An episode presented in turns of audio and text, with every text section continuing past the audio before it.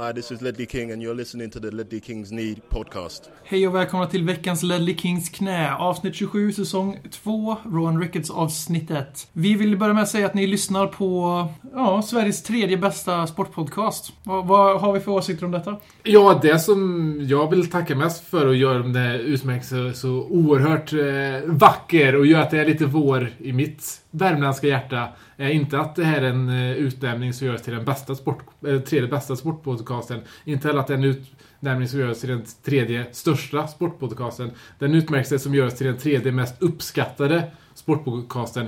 Och det trumfar allt. Det trumfar till och med att vi snodde Ron Ricketts från Arsenal. Ja, faktiskt. Ännu, ett, ännu en sak vi måste, vi måste tacka NVT som bevisar att deras genomslagskraft är ju större än Expressens eftersom Expressens två hejdukar fick äta nöt av Ledley Kings knä. NVT-podden. Ja, NVT-podden. Dags att hämta hem det ännu en gång För jo, du vet ju hur det slutar varje gång vinden vänder om Det spelar väl ingen roll, ja.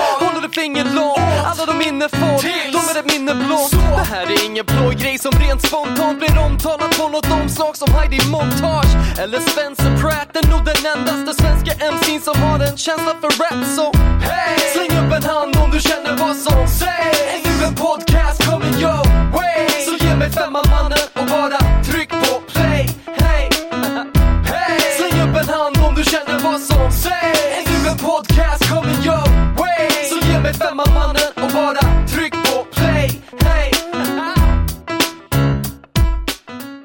direkt in i säsongens eh, kanske största triumf. 0-4 mot Newcastle. Detta gloriösa wrestlinglag to be.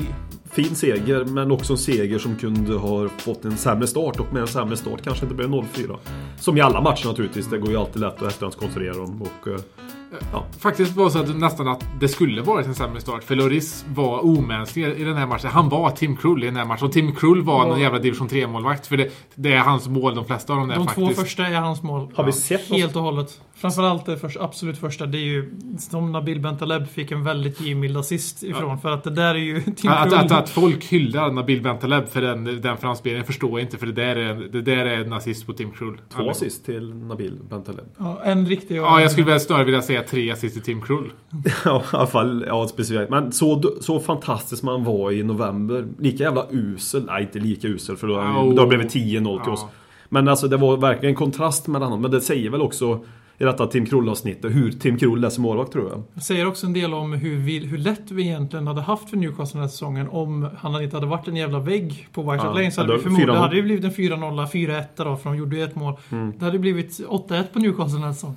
I avdelning onödiga spekulationer. Ja, men när jag satt, jag missade första halvlek för jag jobbade, eh, drar mitt strå till stacken i samhället så att säga, gör mitt jobb.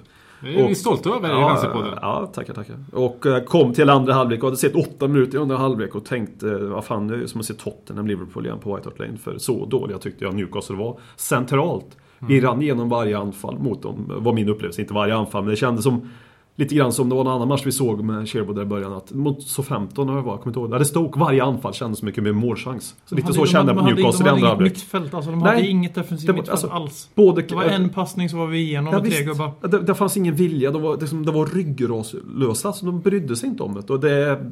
Ja.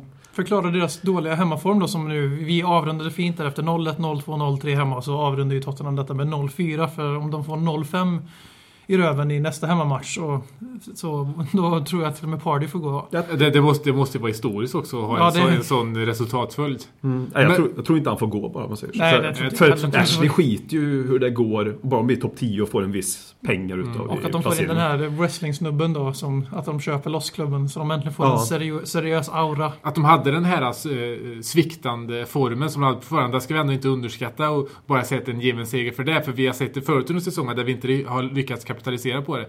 Till exempel Fulham, till exempel Sunderland där vi har verkligen haft halsen på strupen för att få med oss tre poäng.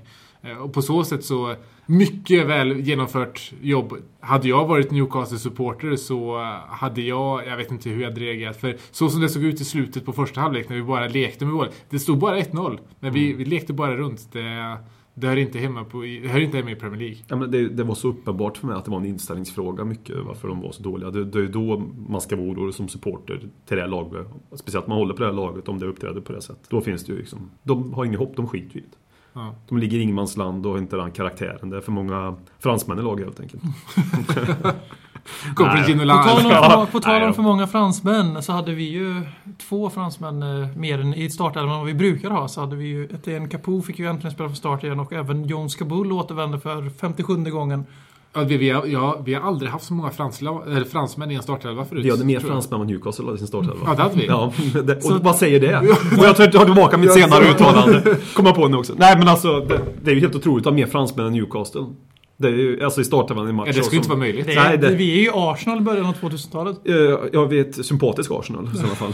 Och ett, eh, ett Arsenal man tycker om istället för att hata. Kabul, Ja, men- ja, vilken, vilken comeback, vilken Alltså, ledare. Jag tycker Ja, ju att det- eh, absolut, han förtjänar väldigt mycket cred, men det syntes väldigt mycket att han var det är såklart ett bevis på ringrostigheten. Att han var väldigt mycket ur position. Ett av de här första lägena som, som Loris gör kanonräddning på, det allra första läget. Det är en hel, helt och hållet felplacering av, eh, felpositionering av Kabul. Han ska ha den killen fem dagar i veckan. Och där räddades fransmannen utav en annan fransman. Mm. Men alltså Kabul tycker jag, alltså han är ju den bästa mittbacken vi har när Kabul är frisk och fullt och återställd så att säga. Även kanske nu till och med. Eh, men han är lite av en Kyle Walker-kopia. Fast upp, bättre så att säga. Han är, han är inte så positionssäker i sitt uh, försvarsspel. Utan han är, lever mycket på sin fysik tycker jag. Och är väldigt bra på det sättet att spela fotboll också. Eh, Sen Alltså- det, vill jag bara säga att det som han kändes ju lite grann som jag BM twittrade om. Han kändes ju som vår kapten. Han, var ju, han hade ju inte han binden. var vår kapten. Ja, han hade ju inte binden bara. Mm. Men alltså, jag blir så glad av att se just kroppsspråket han eh, har när han är ute på planen. Det var en situation i andra halvlek då Newcastle brände ett bra läge, det var ingen räddning från Loris. Han möter upp Loris med en kram och ett skratt. Ja. De möts och eh, sättet han firar Adebayors vad är det, 3-0 mål på. Han kommer dit och skakar Adebayor. Adebayor ser chockad ut och börjar skratta. Det känns som att jag fått in en spelare som på planen, det är verkligen en- som, som du sa, det en ledare, en positiv ledare på planen. Som vi har saknat. Ja men det, det är nästan var det skönaste för mig att se att vi fick in den Ja, förhoppningsvis kommer han fortsätta vara naturligtvis. Mm. Dawson ser jag också som ledare men lite på ett annat sätt. Dawson är också en positiv människa men inte på planen med kroppsspråk på det sättet. Nej. Han är ingen negativ tycker jag heller för han det, det säger inte emot varandra de sakerna. Men jag blev glad av att se den eh, personen, Kabul. Har vi haft Vertongen och Kabul tillsammans förut? Någon, Jag- jag- jag- någon, jag någon tänkte- enstaka match. Nej, men för, jag, för jag tänkte på det när, när vi såg det och jag kan faktiskt inte komma på att, vi, att de har spelat tillsammans. Jag kan ha helt fel nu men jag, jag tror inte det. Kanske var... Kanske, en var- Europa League-match men kan- det är nog allt. Ja, kanske var AVBs första match mot Newcastle borta. Ja, för, För då gick för Kabul, han gjorde en match skadad. där. Ja. Då kanske vi tror det vet jag inte men då kan vi ha startat Jo men det gjorde vi för att det var sluts. var ju petad i ett halvår nästan under AVB så det måste ju varit de två som spelade. cirkeln sluts där? ja. Newcastle borta, då är det För först det var ju Gallas då också som Ja just det, det stämmer. drog sitt strå till stacken. En annan fransman. Ja, kanske inte så sympatisk som jag ser det i alla fall. Nej. Nej men jag vill minnas att de har spelat eh, någon Ja. enstaka match ihop Men tillsammans. det här- det- inklusive, ja. inklusive den här. Men det här är ju vårt mittbackspar som vi för första gången nu ser. Vi får se tillsammans Mm. och då ser vi också hur bra det går. Ja, men liksom, tänk tillbaka några veckor, ingen skugga som faller över dem, men de är ju vår tredje och fjärde mittback ändå. Eh, Dawson och Vlad. Och nu får vi köra med Fertongen och Kabul. Jag tror också att Kabul, ofta ser det som en spelare som jag tycker mig kunna se med andra spelare som kommer tillbaka, att till en början så är de väldigt bra, de går mycket på ånger, energi och inspiration. Sen kan de komma in en liten dipp. Det är inte konstigt och jag tror vi kan se samma sak med Kabul här. Om han gör någon till bra match, sen kommer han in i en dipp. Kabulmässig dipp så att säga. Eller så blir han skadad nästa match också. Det är väl Det är väl- det, är väl det rimligaste tror jag. Absolut, och det är det som är lite tråkigt med det här att jag tror inte att vi kommer förlänga hans kontrakt oavsett hur bra han är just av den anledningen. Och därför är det också lite synd att få se hans, hans nivå, den nivån han ligger på. Speciellt också när han spelar med en sån som Vertongen. Kopplas ihop med Milan gör han. Ja, han eh, var skadad tillräckligt mycket. Så går han ju dit som sagt till Milanello och så får- förlänger han karriären 10 år med deras läk läkare där så Mm. sitter vi och ångrar oss sen. Ja, men jag tror ju då, jag vill bara säga till skillnad från Per, att får han spela och hel då tror jag definitivt det kommer förlänga med. Ja, kan- han vara hel så kan han mycket väl få en slags eh, performance-based kontrakt. Och det är det jag sitter och hoppas på också. Ja, det var fint att se honom tillbaka. Inte bara för att han är en bra fotbollsspelare utan för att han... Jag hade inte tänkt på de egenskaperna innan, hade just kroppsspråk, jag har inte tänkt på det Och tidigare. en annan som var fint att se tillbaka var ju Capo. Som vi fick se igen i en DM-roll. Eh, Mm. Och det roliga är att sen jag gick ut i media och sa att vi inte tänker spela med, med eh, sittande mittfältare så är det nästan den enda vi har sett. Det var då Sherwood förstod att, jaha. Det var där han skulle- tog sin nyttigaste läxa hittills under sin korta karriär. Ja, han brukar väl ha, han kanske har någon sån regel. Regel nummer ett, gör inte som Ferdinand säger. Han kanske finns någon sån regel och så Det kan nog nästan vara så Ja. faktiskt. då Eh, insåg han att man ska köra med sittande mittfältare. För på förhand så var man ju inte speciellt optimistisk när man fick se startuppställningen. Det var ju ett, ett lag med Det var bara ju 0-0 mittfältare. startelva på pappret så såg Mm. det ju verkligen ut. Vi går för Ja. 0-0 här. Ja, men det, det, känns, det kändes lite parkera bussen på något Ja, sätt. faktiskt. Mm. Sen när man börjar tänka lite så börjar man tänka tillbaka på Intermatcherna i fjol. I alla fall första när Dembélé spelade, utgick från, från högerkanten där och, Mm. och gjorde egentligen sin bästa match. I, I mitt tycke förra säsongen. Och det gör han nu igen. Han, han är ju jävligt bra på den där positionen. Inte för att jag tycker att han kanske ska Om spela man kommer där. rätt in i matchen så är han bra på den positionen. Ja precis, att han, Dembélé kommer- har ju den egenskapen att han Kommer han inte in i matchen de första 10 minuterna så, så, så går det inte alls för honom. Det är li- lite motsatsen till vad Nabil Bentaleb är som kan vara helt osynlig de första 10-20 Eller, eller minuterna. väldigt synlig på fel sätt. Mm. Och sen går han loss och var fantastisk mot Newcastle. Nej, Men det det var var inte det jag jag ville komma. Men Moussa Dembele, jag tror att det nyttigaste med detta var att han blev bortflyttad från speluppbyggnadsfasen. För han är Ja, en verkligen. jävel på att kladda med boll. Och han är väldigt duktig på att kladda med boll. Han tappar inte bollen så ofta som han borde göra med tanke på hur ofta han kladdar med bollen. Men att få upp honom ett snäpp i banan till han spelade ju tia i Fulham efter han hade varit anfallare i Holland och så vidare. Det kan ju vara just det att man, det man vinner på det, då, då kommer han bort från den här snabba omställningen på mittplan där man kan få ytor. För när man väl kommer nära straffområdet i Premier League så är det väldigt sällan man har ytor för det, det ska vara folk hemma. Och det, så, det var så var det ju nu också. Det var bara att deras mittfält var ju överspelat. Men de är fortfarande en backlinje. Och då kommer hans bollhållaregenskaper till större utnyttjande. Men en kul, kul detalj med detta var ju att se skillnaden i hyllningar Tim Sherwood fick för att göra detta jämfört med hånen AVB fick när han gjorde exakt samma sak till stor framgång i fjol. Det här med selektivt minne och så vidare. Jag måste lyfta det för jag tyckte det var löjligt Kör den här på. gången. Nej, nej, nej, nej, nej. ja. Ja, ville du köra på med det eller? Nej, Okej. jag fick sagt vad jag ville. Ja, okej. Ja, jag trodde det var mer. Jag trodde växel 2 skulle komma Ja, in jag tror det där. också. Ehm, Kör på treans växel är någonting som vi hör väldigt mycket nu i OS-tider. ja, det är vi gjort bra också Ja. i stafetten. Och Newcastle som ju har väldigt dåligt glid också nu för tillfället. Ordvitsarpodden. Ehm, alltså jag blev också väldigt förvånad med uppställningen och såg, vi pratade ju även om i senaste att vi hade för många centrala lirare inne. och eh, då tänkte jag när jag såg... eh, Tji fick vi. Ja, vi- har ju ännu mer centrala mittfältare nu. Mm. Alltså mot Newcastle så tänkte jag, den jag- där ute. Det går väl inte bra. Och Capo var väl bra och Bentaleb var ju ännu bättre när han inte behövde bara vara fältherren där bak. Eh, Jag var imponerad av Bentaleb igen måste jag säga. väldigt, Utifrån väldigt mycket bättre på när han slapp vara fältare. där. Han- Det var en och två matcher som Jo, jag tycker han har gjort. bra- han bra one-touch-spel. han, positivt. han, är, han är ju inte den här släpande mittfältaren. Han har aldrig spelat släpande mittfältare Så jag förstår inte varför de har envisats med att göra det förut. Det är väl på för något att han sätt för kan att... göra två spelares jobb Ja, just det. Det var, det var, ju- det var det. Nej men alltså det var ett fint one-touch-spel tyckte jag från honom. Nej, men det var- bra, sagt, han hade det bra, var- bra tempo i kroppen. Andra eller tredje matchen som jag tycker han utmärkt sig, där han faktiskt visar att han håller på riktigt i Premier League. Sen har han haft lika många matcher där han visat att han inte håller mot topplagen i Premier League. Mm. Och sen de flesta andra matcher har han bara varit medioker och blivit hyllad för att han är 19 år. Egen produkt så att säga, 18 månader i klubben, eller 12. Men det är också Men det. det var kul att se att han har den här nivån igen och det då visar att den här matchen mot Pelle som jag tyckte han var väldigt duktig också, att det inte var en engångsföreteelse. Och det, och ingen skam över Pelles, men Newcastle är ju betydligt mycket sämre nu än Ja, det, där, det där klipper vi ju bort.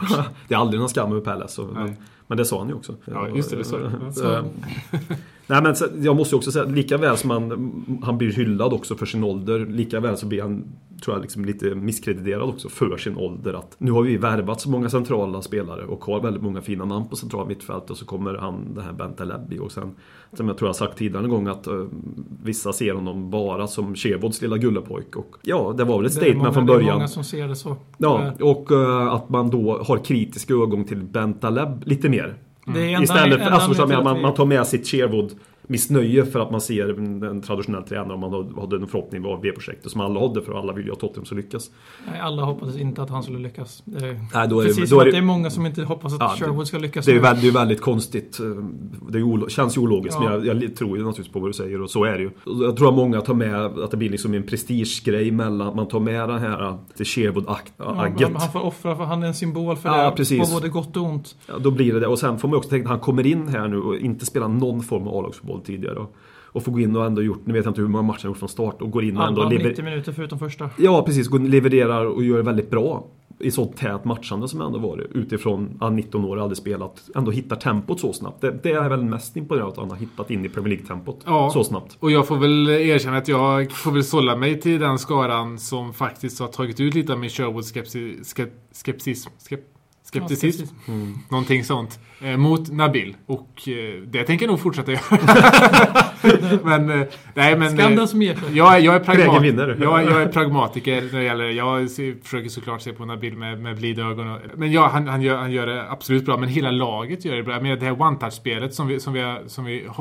Jag tror är en produkt av Sherwood. För vi såg det också mot Hall. Då gick det inte. För då kändes det verkligen som att vi var ett lag som inte visste hur man skulle vinna. Som, som inte hade självförtroendet. Men vi försökte oss ändå på one-touch-spelet. Och det var det som jag tog med mig som var väldigt positivt efter halvmatchen. Och som jag ändå framhöll i senaste podcasten tror jag. Och nu fortsätter vi på det här spåret. Vi körde one-touch-spel och nu faktiskt sitter det. Och kan vi, kan, vi, eh, kan vi fortsätta på den här banan? Jag har tidigare under säsongen, innan vi fick sparken, sagt att det är vi som har det största sparkapitalet när det gäller serien topp 4. Absolut. Och sen har jag ändrat mig. Men nu börjar jag på att ändra mig igen och Nej, tror att vi, vi har faktiskt det. har Absolut. det sparkapitalet. Om vi har det här spelet inom oss. Sen måste jag, en spelare som jag absolut inte är förtjust i, men jag måste ändå hylla honom. Adebayor har gjort åtta mål nu på, vad är det, 10 Premier League-matcher.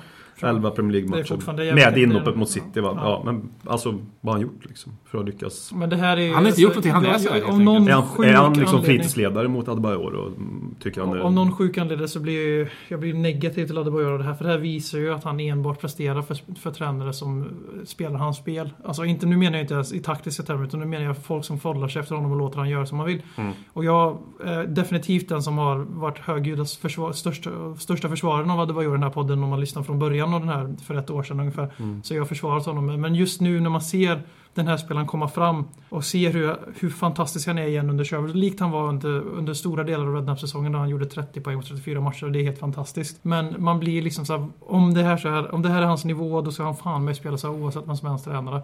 Så För han ju... jag, jag, jag tappar faktiskt res respekt för Adebayor. Alltså- det, det är väldigt motsägelsefullt men jag, jag tappar respekt för honom när han är så här bra under Sherwood och sen faktiskt inte alls i närheten under andra tränare. Och Det är ju både managementfråga men det är ju väldigt mycket en Adebayor-fråga också. Jag har ingen respekt för Adebayor. Nej, och det var det jag hade men jag har faktiskt tappat det. Men fotbollsspelaren Adebayor Ja, det var den jag var inne har. Sherwood lyft. Mm. Och det, ska Sherwood, det kan inte han få nog med vad ska man säga, beröm för. För att han är så viktig för oss, vilket han bevisar med eftertryck nu när Soldado går lite på... Har lite svårt att hitta rätt i Premier League. Och då är vi, står vi och faller med Adebayor och då är det väl väldigt bra att vi har en tränare som får ut någonting av honom. Mm. Oavsett allt det politiska bakspelet så ska han ha, går inte att ge mig nog beröm för Sherwood för detta. Nej, det är, ju en- det är ju den största förändringen till vår framgång som jag ser det som. Ja, Det är inte han, det är ju han som utan det är bär laget. Det Ja. är ju han som bär laget. Så är det ju faktiskt. Ja, det är inte Bentaleb? Så du vill ändå framhäva det. Jag vill ändå vara tydlig. Tror ni att eh, Bentaleb får spela 90 även mot eh, Juan de Ramos pågar? Nej, då, då tror jag han vilas. Jag tror vi kommer se rätt mycket rockad i alla fall. Han har ju faktiskt sagt motsatsen Sherwood. Att Adebayor har inte han sagt om, men Adebayor verkar stanna hemma på grund av att han har dead leg vad det nu betyder. Ja, det har jag alltid funderat på vad det betyder för det läser Ja, man titt som tätt. Dead leg... Jag, Dött ben tänker Ja. jag på, jag som Ja. ser mycket på Morgan och Ola-Conny på måndagar. jag försöker koppla till att man, när man, alltså jag kan inte komma alltså lårkaka skulle det kunna vara. Så, stumma ben helt enkelt. ja, jo det... Ja det kan vi förstå. Men Ja. han fick lindas in i is över hela kroppen för de inte kunde komma på vad han hade ont för några Nej matcher. men sen så förstår jag, jag, det ska, jag tycker inte det ska vara för mycket lokalt för vi, vi behöver få med oss, med oss ett jäkligt bra resultat från vi den här kan matchen. vila Så vi kan vila. sen. Så att vi kan spela en Velkovic till exempel. Hemma. Jag har Ja. aldrig sett det men jag är väldigt sugen på att se den spelaren. Ja, Det är en spelare som du gillar. Ja, ja, Och det är en det spelare finns som ju ingen, Sherwood har eh, jobbat med mycket också. Så är det så? Ja, det kanske finns någon förklaring Han och Ramsey där. Det är ju lite varningstecken på att han är den nya Nabil Bentaleb. Ja, men Ja. om man presterar Bra så varningstecken bra då. Sett till en 19-åring som kommer från ingenstans och går in och briljerar. Och inte ur min synvinkel. Nej, nej. Så mycket har han ju, håller jag med om att han inte har briljerat. Men han håller i Premier League och det är väldigt go- gott betyg för en 19-åring. Men vi kan ju kanske gå vidare till andra spelare nu eftersom vi, skulle, vi pratar... Finns det några andra spelare i Tottenham? Nu pratar ju, nu pratar ju bara om Bentaleb och Adebayor. Det- Ja, och Sherwood. Andros Townsend är ju tillbaks. Han var ju herregud. briljant mot Newcastle. Såg ni hans glädjescener igen när en lagkamrat gjorde mål? Ja, de Den andra gången- den de andra ut- gången. De uteblivna glädjescenerna. Håkman, du hade en tweet. Mm, under Jag kommer inte ens ihåg vad jag skrev, men det var ju inte positivt. Minns du vad jag skrev eller? Nej. det var någonting negativt. Ja, det är klart det var negativt. Var det hemjobbet du var ute efter då? Ja, men det var att man aldrig skulle spela... Om man spelar Townsend på högerkanten igen så ska man skjuta. Så. Ja, men han ska aldrig mer spela på en högerkant. Det minns jag nu när du säger att jag skrev. För att det, han tar ju skott hela tiden. Eller söker ett skott. Det är inte alltid han kommer till skott. Det Men var inte ett AVB. Det verkar som att det är Andros Townsends spelstil här. Ja, alltså jag blir så jävla provocerad. Han är så jävla egoist ut på planen. Ja. Och sen som sagt, hemjobbet har han ju inte heller. Det var någon situation i andra halvlek. Eh, svårt att exakt eh, komma ihåg exakt vilken minut det var när han eh, stannade upp hemjobbet helt enkelt. Det är Lendon t- som jag tidigare, som vi tidigare har sagt, det gör så väldigt bra just hemjobbet i alla fall. Eh, han brydde sig inte om det. Och sen eh, icke-firandet vid 4-0. Han, han, det är en egoist. Det är en jävla idiot helt enkelt, jag tycker numera. Alltså, det är, ja, men alltså, jag det är- blir, så, alltså, det jag blir sjukt jävla provocerad väldigt det. provocerande att inte fira sina Ja. lagkamrater. Det var ännu värre den gången när han ansåg att Holtby snodde bollen och sköt in ett matchavgörande mål mot Fulham. Då, då var det fruktansvärt Just det. provocerande för då var det för att han inte fick skjuta själv. Mm, och den här det. gången var det väl bara väldigt, ja, då var det bara bekräftelse av idioti men Man kan ju första köpa detta gången- mer än Ja, full första gången var ju helt sjukt för det var ju 84 minuten något, någonstans där. Louis Holtby, praktpärla och han firar inte för att han ansåg att han snodde hans mål. Det känns som han kommer in, när han kommer in när det står 3-0 va? Så det är game over, eller kommer han in när det står 2-0? 2-0, va? 2-0, ja precis. Och då känns det som att han kommer in, matchen är klar, då behöver jag inte ta hem jobbet. Det är viktiga för mig att jag syns, att, Att jag jag gör någonting mål. framåt. Ja, att jag visar liksom mina egenskaper framåt så jag får spela. Det är känslan jag har. Men då ser jag på Anders Townsend numera med negativa ögon. Så kanske någon som ser med mer neutrala ögon med Anders Townsend kanske inte alls uppfattar på det sättet. Vad vet jag. Men uh, han ska han spela sig vara på vänsterkanten. Då ska, det, det gjorde han med någon match. Han gjorde rätt hyfsat. Var det Sunderland borta? Ja, men det är När han kom in. Då ska, han ska ju inte- han ska ha Han så är ex explosiv, kommer förbi sin gubbe. Han ska Håll inte bry sig borta från avslutslägen, tack. Ja, du slår inlägg. Du ska, han ska spela så jävla enkelt som möjligt. Säga till Townsend, du kan en sak. Du kan springa, du är snabb. Du har ett hyfsat inlägg. Gör det. Gör det inte komplicerat. För då, ju mer komplicerat, ju mer, mer kaos blir det. Alltså när han går in, det är inte varje gång nu mot uh, Newcastle han ska gå in och söka skott. Han kommer ju till skott varje gång, men han stannar ju på anfallarna likt förbannat. Han är fruktansvärt ineffektiv både Så i poäng, egoistisk. poäng också. Men kan, men, kan, man, men kan, man, kan man kritisera honom när, Ja. han ändå, när han ändå placeras ute på högerkanten? För vad ska han göra? Han måste skära in och gå Men för inte, skott. inte han 9 av han- 10. Nej, inte 9 av 10. Men nu, okej, nu kan man ändå skylla på, på vi ledde med 2-3-0 när han var inne. Men och allt den här. Nu är men, Team men, han- Andros mot Team Nabil här. Nej, nej så, så är det verkligen inte. Det är, det är Team Capo mot, eh, mot, Team Mot alla. Team, team Pulis. Ja, precis. Vem av er fick äran att vara Team Pulis? Ja, Det är jag och Håkman tillsammans Mm. mot dig. Ja. Nej men han har ju faktiskt inte så många alternativ. Visst, det är klart, det är klart han har egoistiska, starka egoistiska tendenser. För man, man, man ser ju honom ladda redan från mittlinjen Ja, liksom, ja, precis. bollen. Men eh, å andra sidan, han kan inte göra det som Lennon gör på högerkanten. Han måste vara ute på vänsterkanten för att göra det här. Så en liten eh, brasklapp om just det. Men vem var det? En som faktiskt laddade och sköt och gjorde det mer effektivt än Andros Townsend gjort hela säsongen var ju Nasser Chadli. Som fick stoppa upp ett pekfinger i ansiktet på alla haters med Ja, riktig nu, praktpärla. nu, nu tycker inte jag att man stoppar upp pekfingret på alla, på alla haters genom att göra ett skott man kan göra på träning. Ah, Okej, nej. okej, du hävdar att hans mål var ett skott man kan göra på träning. Ja, absolut. Det där tror jag han har gjort många gånger. men alltså- det tror jag också, men, eh, det Men- måste, måste nog vara ganska högt upp i träningsnivå. Jag, jag, att, jag är rädd för att en sån spelare som Chadli inte mår bra av att göra sådana fina mål. För han, nu kommer han att tro... få Andros eh, t- DNA i sig nu. Ja men alltså han har nog lättare att få den DNA i sig än många andra. Han har, alltså, han Du, har den du auran. anser att han har den uppsynen? Ja verkligen alltså. Grymt provocerande Förutfattade uppsyn. åsikter, förutfattade exakt. meningspodden. Ja men så är det ju. Prata direkt ur hjärtat. Fördomspodden. Fördomspodden. Nej men alltså det, det, är väl, det är väl bra. Han kan väl bli en bra truppspelare kanske. Ja men det var skönt att han gjorde mål just Ja, men gud, ja, att men att han kanske får så. lite, hopp, förhoppningsvis rätt Ja. nivå av dos självförtroende. Jo, men det, det är alltid det här är ju en kille som ska avlasta i Europa League, för Mm. han ska inte spela startande i Premier League. Men han är också den spelare som det klankas väldigt mycket på, trots att han var ett budgetköp och en trupp, ett truppköp. Mm. Och det var därför, för mig var det väldigt skönt att sen göra ett så kallat mål som vem som helst kan göra på träningen. Ja, det, är- det, Mot det, en målvakt som spelar i division 3 i Sverige. Jag, förstår, jag, förstår, För stunden gjorde jag, jag, jag, jag, jag, jag förstår inte hur vi kan kritisera mitt sändningsvarande där, för det där är inte ett jättebra skott. Jag, Alltså, jag det, är ett var jättebra Fantastiskt, fantastiskt det- avslut det, tycker jag det, det. det, det är ett jättebra skott. Det ska jag ta tillbaka-. Det, det, var ett jättebra skott. Men Som Per kan göra på träning. Jag har gjort sådana mål på träning. Bara på träning tror vi också. Det är väl det som är skillnaden. Utan målvakt och, Ja. och utan målvakt och... Okej, den men det är för att jag, or, jag orkar aldrig springa upp till straffområdet. Det är väl det som är Skott grejen på. att göra sådana på match som är det briljanta. Absolut, det är klart det är inte samma sak att göra eh, det på som träning som... Han som, är ju en sån som ska bära i Europa League och vi har ju Europa League-match. Försöker för sjunde gången vecka in på den nu och han kommer väl förhoppningsvis få speltid i den här rokaden som Per vill se och Håkman trodde inte på rokaden. Eller var det tvärtom? Nej men nu... Ja,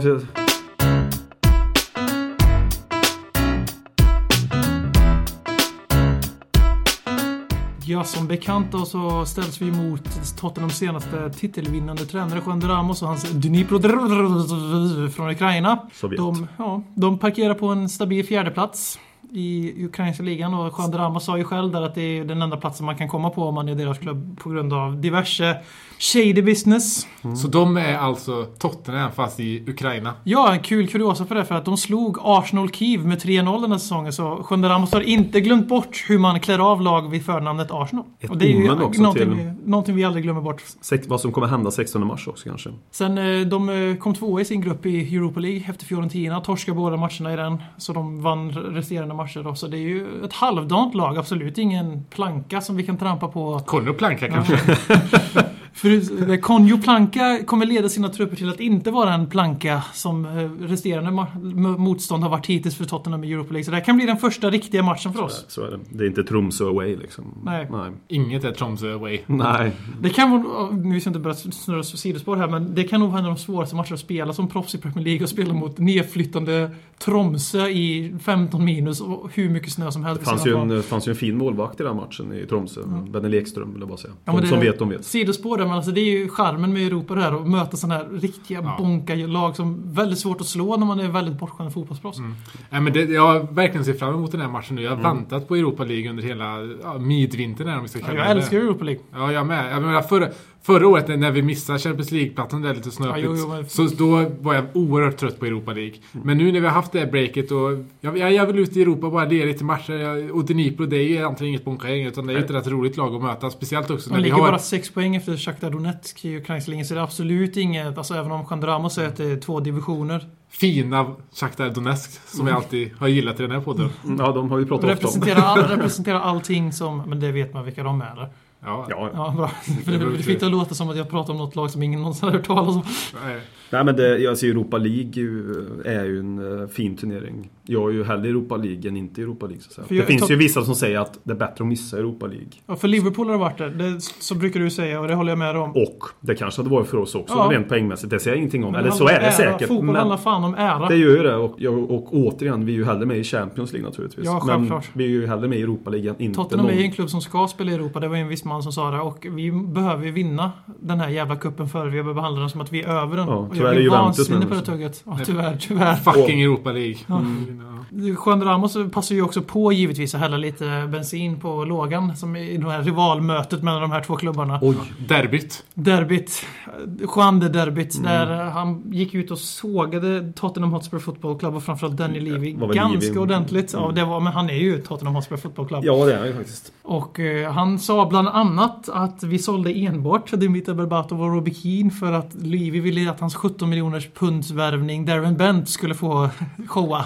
Det tror jag väl kanske inte så mycket Nej, på. det tror inte jag heller, men- Bitter man kändes just den Det kommentaren. var en fin salig blandning av bitterhet och Ja, insyn. Som, han sa saker som vi har väldigt mycket i den här podden i alla fall har trott. Och han sa bland annat att det här, Tottenham är ett företag och det är inte Mm. en fotbollsklubb. Tottenham är ett företag först och främst och an, två och tre kommer också på den listan. Och att det handlar om att gå med vinst Mm. och att eh, Tottenham kommer aldrig bli en titeljagande klubb på riktigt i Premier League före det börjar skötas som de andra titeljagande klubbarna som går Missköter. minus med Ja. flit för att som missköter sin ekonomi för att jaga titlar och eh, det är ju sådana här saker som man har varit rädd för. Det är, det är i alla fall min största rädsla med den i livet och mitt enda beef med honom förutom det här eviga meddelandet till den sportsliga ledningen är ju just att jag tror att han ser på klubben på exakt det här sättet. Och visst, hade jag varit ekonom hade jag hyllat honom och det gör jag på den ekonomiska aspekten. Men jag tror att han har tagit sig så långt han kan sportsligt och det Juan Ramos sa bekräftade det. Även om det var som sagt ska tas med en hel del bittra tårar. Nej, men om man förespråkar att eh, Tottenham ska aktivt gå minus i, i Nej men det gjorde han plånboken. inte utan han sa att vi ska göra som alla andra klubbar som vinner titlar. Alltså spendera mer än vad vi, än vad vi gör på ett spelar. För, vi ska inte gå plus minus noll när det gäller spelarförsäljningar och sånt utan att vi ska ta in pengar på andra sätt. Mm. För United, de klubbarna, går, plus, går inte plus minus noll i spelarvärvningar och därför är de bättre än oss. Dåligt exempel, men Mm. Ja, Chelsea men, och City poängen. går, Chelsea och City är jävligt mycket bättre än oss och det är för att de sen, blir, sen blir det också när man, när man har den statusen som lite säljarklubb som vi är så är det väldigt svårt också att, att, att svårt är det aldrig att gå minus i och för sig men, Nej, nej, men jag det, håller- det, jag- det, jag- det finns ändå fog för varför man gör också. Jo, men det finns alltid lager till saker och ting. Men jag, jag tror jag vidrar att konsanning finns där just i den här aspekten av Ja, alltså- intervju. Det tror jag också till 100% att den biten stämmer. Eh, Men samtidigt så Vissa klubbar kommer man alltid vara säljklubbar till så att säga. Oavsett Ja, ja, ja, ja, ja, ja, gud ja. Real Madrid, Mm. Manchester United, alltså om vi backar banden. Vi har ju sålt till klubbar ändå som ligger väldigt mycket över vår Och standard. vi har växt. För nu har vi Och Real Madrid växt. så senaste två spelarna från Mm. United som det var innan och, Och, vad vi, Liverpool. och pengarna vi fått från dem, vi har sålt fantastiska summor. Så det är aldrig det min personliga beef har varit. Utan Mm. att det tagit, tagit sån tid. För de här affärerna har gått i hamn och det har drabbat vår rekrytering på nyförvärv då. Mm. Inte Bale nu då naturligtvis, men eh, innan det. Som, eh, ja. Jag ser inga problem heller personligen att gå, att gå plus. Så att säga. Nej, att nej, vi nej, jobbar så. Och det tror jag inte att någon gör här naturligtvis. Ja, det var en intressant intervju. Alltså, så här, det mitt problem är inte med att vi går plus minus noll eller gröna siffror, absolut inte. Men just den här grejen att eh, om vi ska komma ikapp City och, och Chelsea så har det väl visat sig att antingen så måste man göra en stor sommarinvestering som vi gjorde nu där vi ändå vi spenderar skitmycket pengar i somras. Fick ett betydligt starkare trupp. Vi behöver bara få någon av de här killarna utöver Nabbe som ska utvecklas till en riktig superstjärna. För att vi ska kunna sälja den spelaren till nästa Real Madrid. Men vi behöver ha någon av de här nyförvärven. Typ Lamela är väl den största möjligheten att han växlar ut och blir en stjärna som bär laget som Adebayor gör just nu. Antingen måste man ha det och så ha det långsiktiga tänket med det att man låter de här sju killarna komma in, man har samma tränare. Man hoppas att de växer homogent, att de växer naturligt. Att de blir, en, blir, blir ett snäpp bättre av sig själv och inte går in och byter tränare var 18 månad. Eller oftare. Eller så måste man punga upp och hamna rött i ekonomin och vi har tyvärr inget av det just nu med Daniel Levy. Vi kommer plus minus noll. Vi går, och vi har ingen kontinuitet för huvudtaget. Det är där, det är så jag läser ut av den här artikeln, att det, vi kommer förbli så. Ja, tålamod inte finns det heller. Det var ju liksom så också att det kändes som att... Och sen var det ju det som han tyckte att han fick inte den summan pengar under sommaren och sen kom Harry Redknapp. Och Simsalabim fick han 50 miljoner pund i Ja, men det, det får han ju skylla sig själv för. Juan Ramos, att han fick, att han inte, att uh, Redna fick pengar var ju för att rädda Tottenham. Ja, ja, men det vet jag ju. Men alltså just det här Livi-tänket. Han är väldigt pigg och ger pengar i början. När Ramos Jaha, kom alltså, januarifönstret, då fick han också jättemycket pengar. Ja. Och sen när Harry Redknapp började bli liksom lite off, då fick inte han några pengar i januarifönstret. Han jobbar ju liksom lite grann sådär att han är Sen väldigt pigg och ger i början. Ett år, sen fick han skitmycket pengar och Ja. fick han ett halvår att sätta ihop alla Ja, pusselbitar. men han är pigg ge ut i ett visst skede faktiskt, Livi. Men sen han börjar, det är ett tydligt tecken. Det är därför han är lite osäker på Sherwood fortfarande, som vi har sagt. Eh, Nu kommer vi in på han igen också. Vi, vi, förlåt, vi kan ju lika bra ta det nu ändå. Det snackas ju mer om vem som ska ersätta honom än att, Mm. vem som ska, att han ska få stanna kvar. Och det är efter det här ligafaset vi har så nu hoppas jag att vi tar två segrar mot Juan Ramos här för att vi ska kunna säga samma sak om hans kuppspel också. För där har han än så länge ett stort fet F i Alltså, betyg. För ja. att han har torskat båda cupmatcherna mot, mot rivaler. Mot Väldigt naivt mot Arsenal. Mot West Ham var det väl inte naivt utan det var vi dog när det var jag gick ut. Och det är inte positivt men det var knappast Sherwoods fel. 24 Alltså, timmar på ja, jobbet också. precis, precis. han, Men det krävs fan, jag kräver fan mig nu att han går vidare i alla fall den här omgången. Och förhopp, för, för faktiskt nästa också med tanke på med truppmaterial hur vi spelar nu. Vi för att han ska visa att han håller kuppmässigt också. För det är en Mm. helt annan aspekt av coaching. Och väldigt viktig aspekt av coaching också. Speciellt också när det är en klubb som Vi är som en, vi kupp, är. vi är Ja, en. Ja, Och eh, det- han måste leva upp till det och det tror jag att han kommer göra. det tror inte jag. jag framförallt tror jag för det. Men jag tror för att han är och klubben är så fokuserad på fjärdeplatsen. Det pratas i fjärdeplatstermer hela tiden. Tycker jag mig höra. Det kanske han är med öron jag vill höra Han med. Jag sa att han älskar Europa League och vill vinna den. Det säger han. Och eh, sen om han... Ja, det är klart han vill vinna nu. Kanske han älskar han också. Men jag tror fortfarande att han ser en prioritering att komma topp fyra för att det är en möjlighet för honom att få fortsätta. Sen om man tror det eller inte, men jag tror hans möjlighet att få fortsätta som tränare är betydligt större om man blir fyra än om man vinner Uefa-cupen eh, och blir femma. Jag tror faktiskt det. Och en eh, viktig, eh, ett viktigt hinder i kampen om fjärdeplatsen har vi ju redan till helgen. Norwich. Ja, det är absolut. Det kan ju nästan vara det största hotet för den här plättlätta mars månad. När vi ska, Chris Hutons Norwich, det är, det är inte för många lag som åker att ta poäng av dem inte. Norwich känns... Nej, alltså de gör... De släpper ju in väldigt... John Ruddy, målvakterna. Johan Hellmander. Han gör mycket mål. nu gör han två. Uh, han har inte inte gjort något mål än. Alltså. Peppa, peppa, ta. Bedrövlig anfallare vill jag säga mål, målmässigt. Går det in så mycket mer nu eller? Nej, jag tror inte.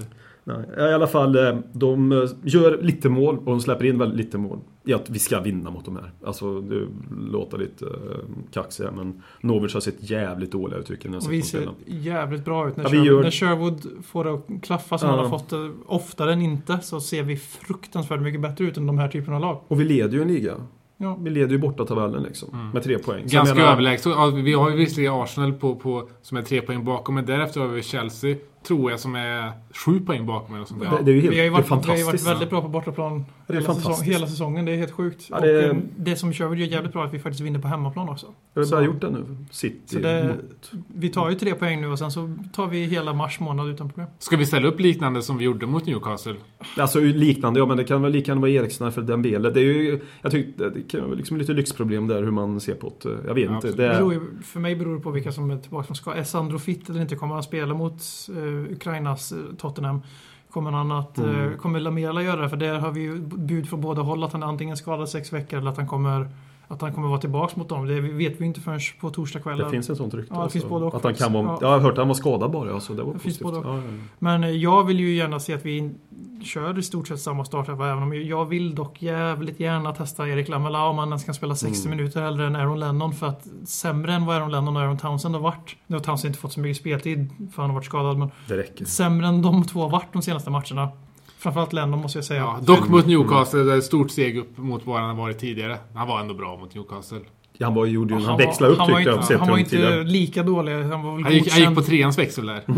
Så jag, så jag tycker väl om han är fit och får några minuter mot Dnipro och så att han faktiskt inte är helt totalt urusel mot Dnipro självklart så vill jag gärna se att vi testar honom i den där högerrollen istället för att ha Dembele där kanske spelar Townsend vänster, Lamela höger för att få just testa de här grejerna. Eller så kör vi Eriksen vänster och Lamela höger. För, Ja. Just för att jag inte vill ha alla våra centrala mittfältare på plan samtidigt och sen så går korsbandet på Sandro för sjunde gången. Sen så stukar Nabbe foten så är vi körda sen. Jag, jag, jag vill faktiskt ha Lennon, eller någon ytter, Townsend. Nej men Lennon för att jag, de, de är rätt kompakta Norwich. Det är bra att ha en spelare som kan sära lite grann på det här laget och få dem ja, bli lite uthöjda. Så därför vill jag se en yttermittfältare mot Norwich. Ja, Lamela, På- Lamela räknar jag som ytter. Ja, jo han är en ytter, men han är väl ingen slicka linjen Nej, nej, nej, nej, men jag så. så- Det var så jag menade. Ja. Men det Den det typen blir, av yttermittfältare vill jag ha, den någon typen så att säga. Ja. Men Lennon spelar ju på vänsterkanten väl? Mot, eh, Mot Newcastle, ja. ja det Han växlar, han växlar rätt ofta nu. Han har gjort det Ja. han har en fri 18 åren. roll. Ja. det är han och Capo som kör fria roller. Ja. Nej men och sen att vi fortsätter med, med Capo där också. Faktiskt. Ja, För Sandro, även om han är tillbaka Sandro, Ja, så är ja, han ju inte redo Capo- att spela. Capo ska spela för Mm. att vi ska inte ha sönder Sandro direkt igen. Och så Nej. Bentaleb ska spela, Paulinho ska spela. Så mittfältstrean, är, det är ju Dembele jag vill peta liksom. Det är dit jag vill komma. Det är Dembele jag vill ha ut. Möjligtvis Lennon också, Mm. beroende på vem vi tar in. Men annars, och sen så vill jag självklart se Sheffields Maldini fortsätta från start på vänsterbacken. ja, ja. Är, är, det- finns det någon rapport på Danny Rose? Hur länge? Ja, Men han, ja. han spelade ju Han var, ja, tillbaka på, i Han spelade U21 igår. mot, mot Bolton. Ja, igår när Sandro också, men jag Ja. hörde läste idag att han gick ut efter en tackling.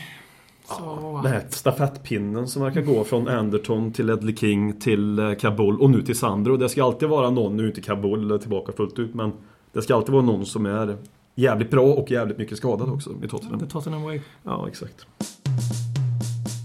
Talkman show, Talkman show, Talkman, Talkman, Talkman show.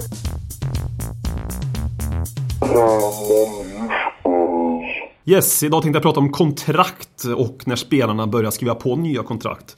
Förr, innan herr Bossman kom och tog över, så skrev man ju på nya kontrakt eh, när kontraktet var slut. Nu börjar de redan skriva, gnälla, eh, inte gnälla, men klubben börjar i alla fall skriva på nya kontrakt när det är tre år kvar på vissa. Bale hade väl som eh, förmåga att skriva på nytt kontrakt en gång per år. Trots att det var tre år på kontraktet och efter det så gick de ut och han pratade om sin kärlek till Tottenham. Jo, Får man en eh, 15 miljoner kronor varje sommar för att skriva på en ny kontrakt så är det väl lätt att säga att man är kär i en klubb så att säga. Eh, nu är det väl Jan Fertongen det ska förlängas med. Det är två år kvar. Då känner jag personligen att är det två år kvar då kan man ju ändå börja lyfta till en diskussion. Messi till exempel, det är väl kanske det mest patetiska exemplet.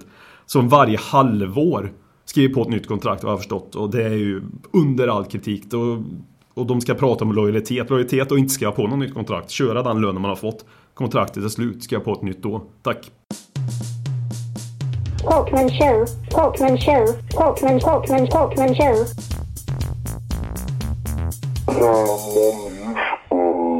Då är vi tillbaka till favoritsegmentet Lyssnarfrågor och det är Joakim Hindborg som har skrivit en, eh, han har skrivit ett väldigt fint inlägg som vi blir väldigt glada för när vi läste upp det här, eh, när vi spelar in det här i Studio 1882. Om det är okej med dig Joakim så försöker jag komprimera din fråga lite för att passa ett podcastformat och frågan utgår- är väl som sådan egentligen att Andrews Townsend som vänsterback skulle du kunna, kan vi få se det? Skulle det vara en idé kanske? Håkman? Mm, ja, uh, nej. Townsend-älskaren. Ja, nej men alltså.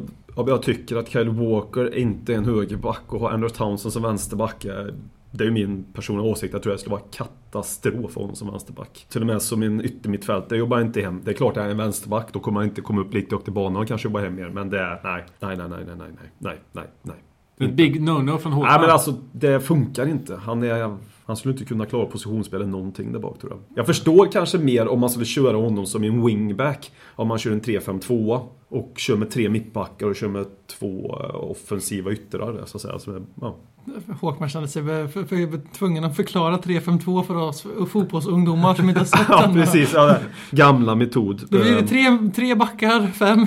3-5-2, ja. ja, det, nej jag, jag tror inte på den lösningen tyvärr. Och framförallt inte i Tottenham vill jag tillägga. Han får i sådana fall lånas ut i två, tre år och spela vänsterback Ja. någon annanstans. Ja, men det- Sen är det så också så att när vi har omskolat eh, yttrar till, till ytterbackar, vilket vi har gjort rätt mycket på sistone här, får vi ändå säga. Och det, det, fast, vi har gjort det i ganska unga år, så det tar en oerhört lång tid innan du kan träna in det här positionsspelet. Och Andrews Townsend har De nästan... har fortfarande inte gjort det. Nej, precis. Och Andrews Townsend har nog ändå gått förbi det bäst före-datumet där man kan, kan eh, ompositionera honom som vänsterback. Eller så väntar man tills han är efter 30 eller någonting, där han har lite mer i huvudet så han kan ta de besluten som behövs. Annars hade vi bara odlat fram en ytterligare en förespråkare av detta så kallat, av Benjamin, så kallat ytterbacksbeteende. Som är en av mina favorittermer. Eh, BM ska också få en fråga. Det är Erik Andersson som har skrivit till oss på Twitter. Han skriver så här. Lite snack om Soldado tack. Varför har han blivit den floppvärvningen som han trots allt måste klassas som? Jag börjar med att säga att han inte är en floppvärvning eftersom han har bara varit i klubben sedan i augusti. Eller var det, kom han i juli till och med? Ja, skitsamma, han har inte varit, han, det här är hans första säsong i alla fall. 2 augusti kommer. Han eh, kostar väldigt mycket pengar men det är marknadsmässigt väldigt, inte var det inte ens dyrt. Så det, allting har med förväntningar och sätta sig in i marknaden Vi kan väl säga det att det är på grund av klausuler som bygger på mål och så Ja, vidare. så hade vi pröjsade väl bara 12 till att börja med. Så det, men det är skitsamma. Och eh, som sagt, marknaden, marknaden den här sommaren som gick var ju väldigt uppskruvad så priset är fortfarande inte särskilt dyrt egentligen om man tänker på vad allting annat gick för. Men sen är det ju så att han inte gjort tillräckligt mycket ligamål. Absolut inte, men under AVB så fick han inte särskilt många chanser att hitta formen eller självförtroende framför mål för det är där det går fel för honom. Däremot så var han ju en, strax innan Sherwood tog över så var han, hade han varit direkt inblandad i över 30% av Tottenhams ligamål och det går inte att säga att man är en flopp då för att utan honom så gör vi 30% mål mindre, alltså fyra sammanlagt eller någonting. Nej, men vi, vi har sagt det många gånger att det, det är nu under Sherwood när vi har ett spel Som som, han har bygger... börjat se. Ja, men så, som det, det är först nu man ska börja recensera honom. Nu får han inte ens spela så det är väldigt svårt att recensera honom då också. Och så plus Men- att han får anpassa sig efter, äh, efter Adebayor väldigt mycket när de spelar ihop. Att, eh, Absolut. Så det, är- det är en lä- ny lärningsprocess och jag tror vi kommer se väldigt mycket mål från honom när det lossnar. I, han har redan gjort mycket mål Det- i Europa League. Catch-up-effekt tror jag vi har där Ja, faktiskt. sparkapital som du var inne på Fredrik bland om fjärdeplatsen. Soldado är ett fruktansvärt sparkapital om fjärdeplatsen. Oj. Och med de orden så tackar vi för oss. Vi gjorde medvetet ett litet kortare avsnitt men eh, kommer tillbaks igen nästa vecka. Vi ska snacka lite röda loggor på tröjor som vi kommer få se i framtiden. Fem år framöver. Eh, ni får se vad vi tycker om det. Och vad vi tycker om att ni röstade på oss i Guldskölden. Ja, det är vi väldigt, väldigt tacksamma för. Det är något av det största vi har varit med om i ja, våra liv. Nästan. Ja, definitivt den här poddens ett års Ja. historia i alla fall. Jag vill inte referera mitt liv så tragiskt kanske. alltså, Tragiskt. Nej. Oj, vilka hårda ord. Hörru Ja. Marcus Håkman, lyssnarnas gullegrisar. Vilken- vilken- Utveckla Marcus Håkman. jag kan utveckla. Vilken extrem diva han har blivit efter att han kom in i den här podden. Nej, verkligen inte. Men alltså det är klart, jag är 35 år eh, och borde ha gjort betydligt mer med mitt liv än jag redan har gjort. Och eh, jättetacksam att folk har röstat, men det är kanske andra saker i livet som borde... Ja, det blir konstigt det här. Nej, vi, vi, Vi- vi vi, kör. Vi, säger som så tack så väldigt Åh, mycket. Och Hej, ja, för, förlåt. Nej då. Tack. Hej. Dags att hämta hem det ännu en gång För jo, du vet ju hur det slutar varje gång vinden vänder om Det spelar väl ingen roll Håller du finger långt Alla de minne får ett minne blåst Det här är ingen blå grej som rent spontant blir omtalat på något omslag som Heidi Montage. Eller Spencer Pratt är nog den endaste svenska MC'n som har en känsla för rap. Så hey! Släng upp en hand om du känner vad som sägs. Är du en podcast? Kommer your way! Så ge mig femman mannen och bara tryck på play. Hey! Släng upp en hand om du känner vad som sägs. Är du en podcast? Kommer your way! Så ge mig femman mannen